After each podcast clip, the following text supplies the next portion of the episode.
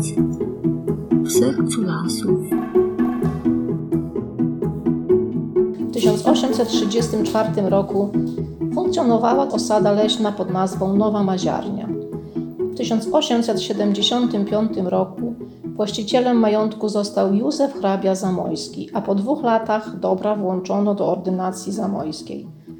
W latach 1903-1908 na terenie dawnej osady na zlecenie 15 ordynata Maurycego Zamojskiego wybudowano pałac myśliwski. W tym celu wycięto część lasu.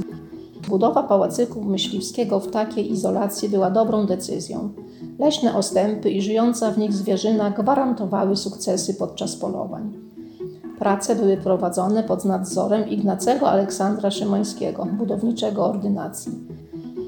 Budowę rozpoczęto w 1903 roku i już w listopadzie tego roku zakończono roboty murarskie. Dostawcami wyposażenia wnętrz były najlepsze ówczesne polskie firmy. Pomimo sukcesywnie prowadzonych prac wykończeniowych, już w 1909 roku pałac musiał ulec przebudowie ze względu na nieprawidłowe posadowienie. Z powodu podmokłego podłoża już w 1910 roku obiekt wymagał remontu.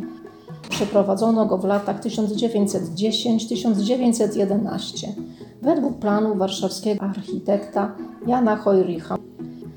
Pałac Moziarni zbudowano na rzucie zbliżonym do litery H. Frontem zwrócony jest na wschód. Składa się z kilku członów o zróżnicowanej wysokości, częściowo dwu, a częściowo trójkondygnacyjnych, krytych odrębnymi dachami o różnych kształtach.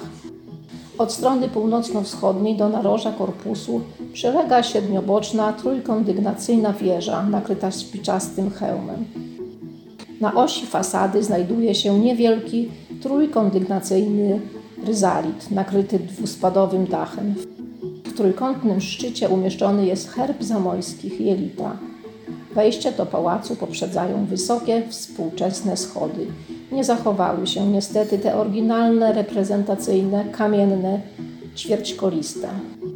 Okna w pałacu w większości są prostokątne, niektóre zamknięte półkolistym łukiem. Wysokie, ceglane kominy obiektu zostały zwieńczone gzymsami w formie nawiązującej do popularnego w końcu XIX wieku budownictwa z nieotynkowanej cegły. Wnętrze pałacu jest obecnie częściowo przekształcone. Składa się z dużego holu wspartego na dwóch filarach, obszernego salonu na parterze otoczonego pokojami oraz sali głównej, balowej o wysokości dwóch kondygnacji. Część północno-wschodnia budynku pierwotnie stanowiła apartamenty ordynata. W klatce schodowej w trakcie głównym znajdują się dwubiegowe dębowe schody. Aranżacja wnętrz pałacu jest zróżnicowana stylistycznie. Sala główna nakryta jest drewnianym, kasetonowym sufitem, a jej ściany pierwotnie były wyłożone dębową boazerią. Od północy jej wnętrze doświetlają okna w obu kondygnacjach.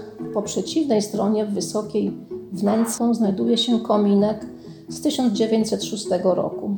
Na piętrze wydzielona jest galeria z osobnym wejściem. Pałac niedługo lśnił pełnym blaskiem swojej świetności, która zakończyła się wraz z wybuchem I wojny światowej.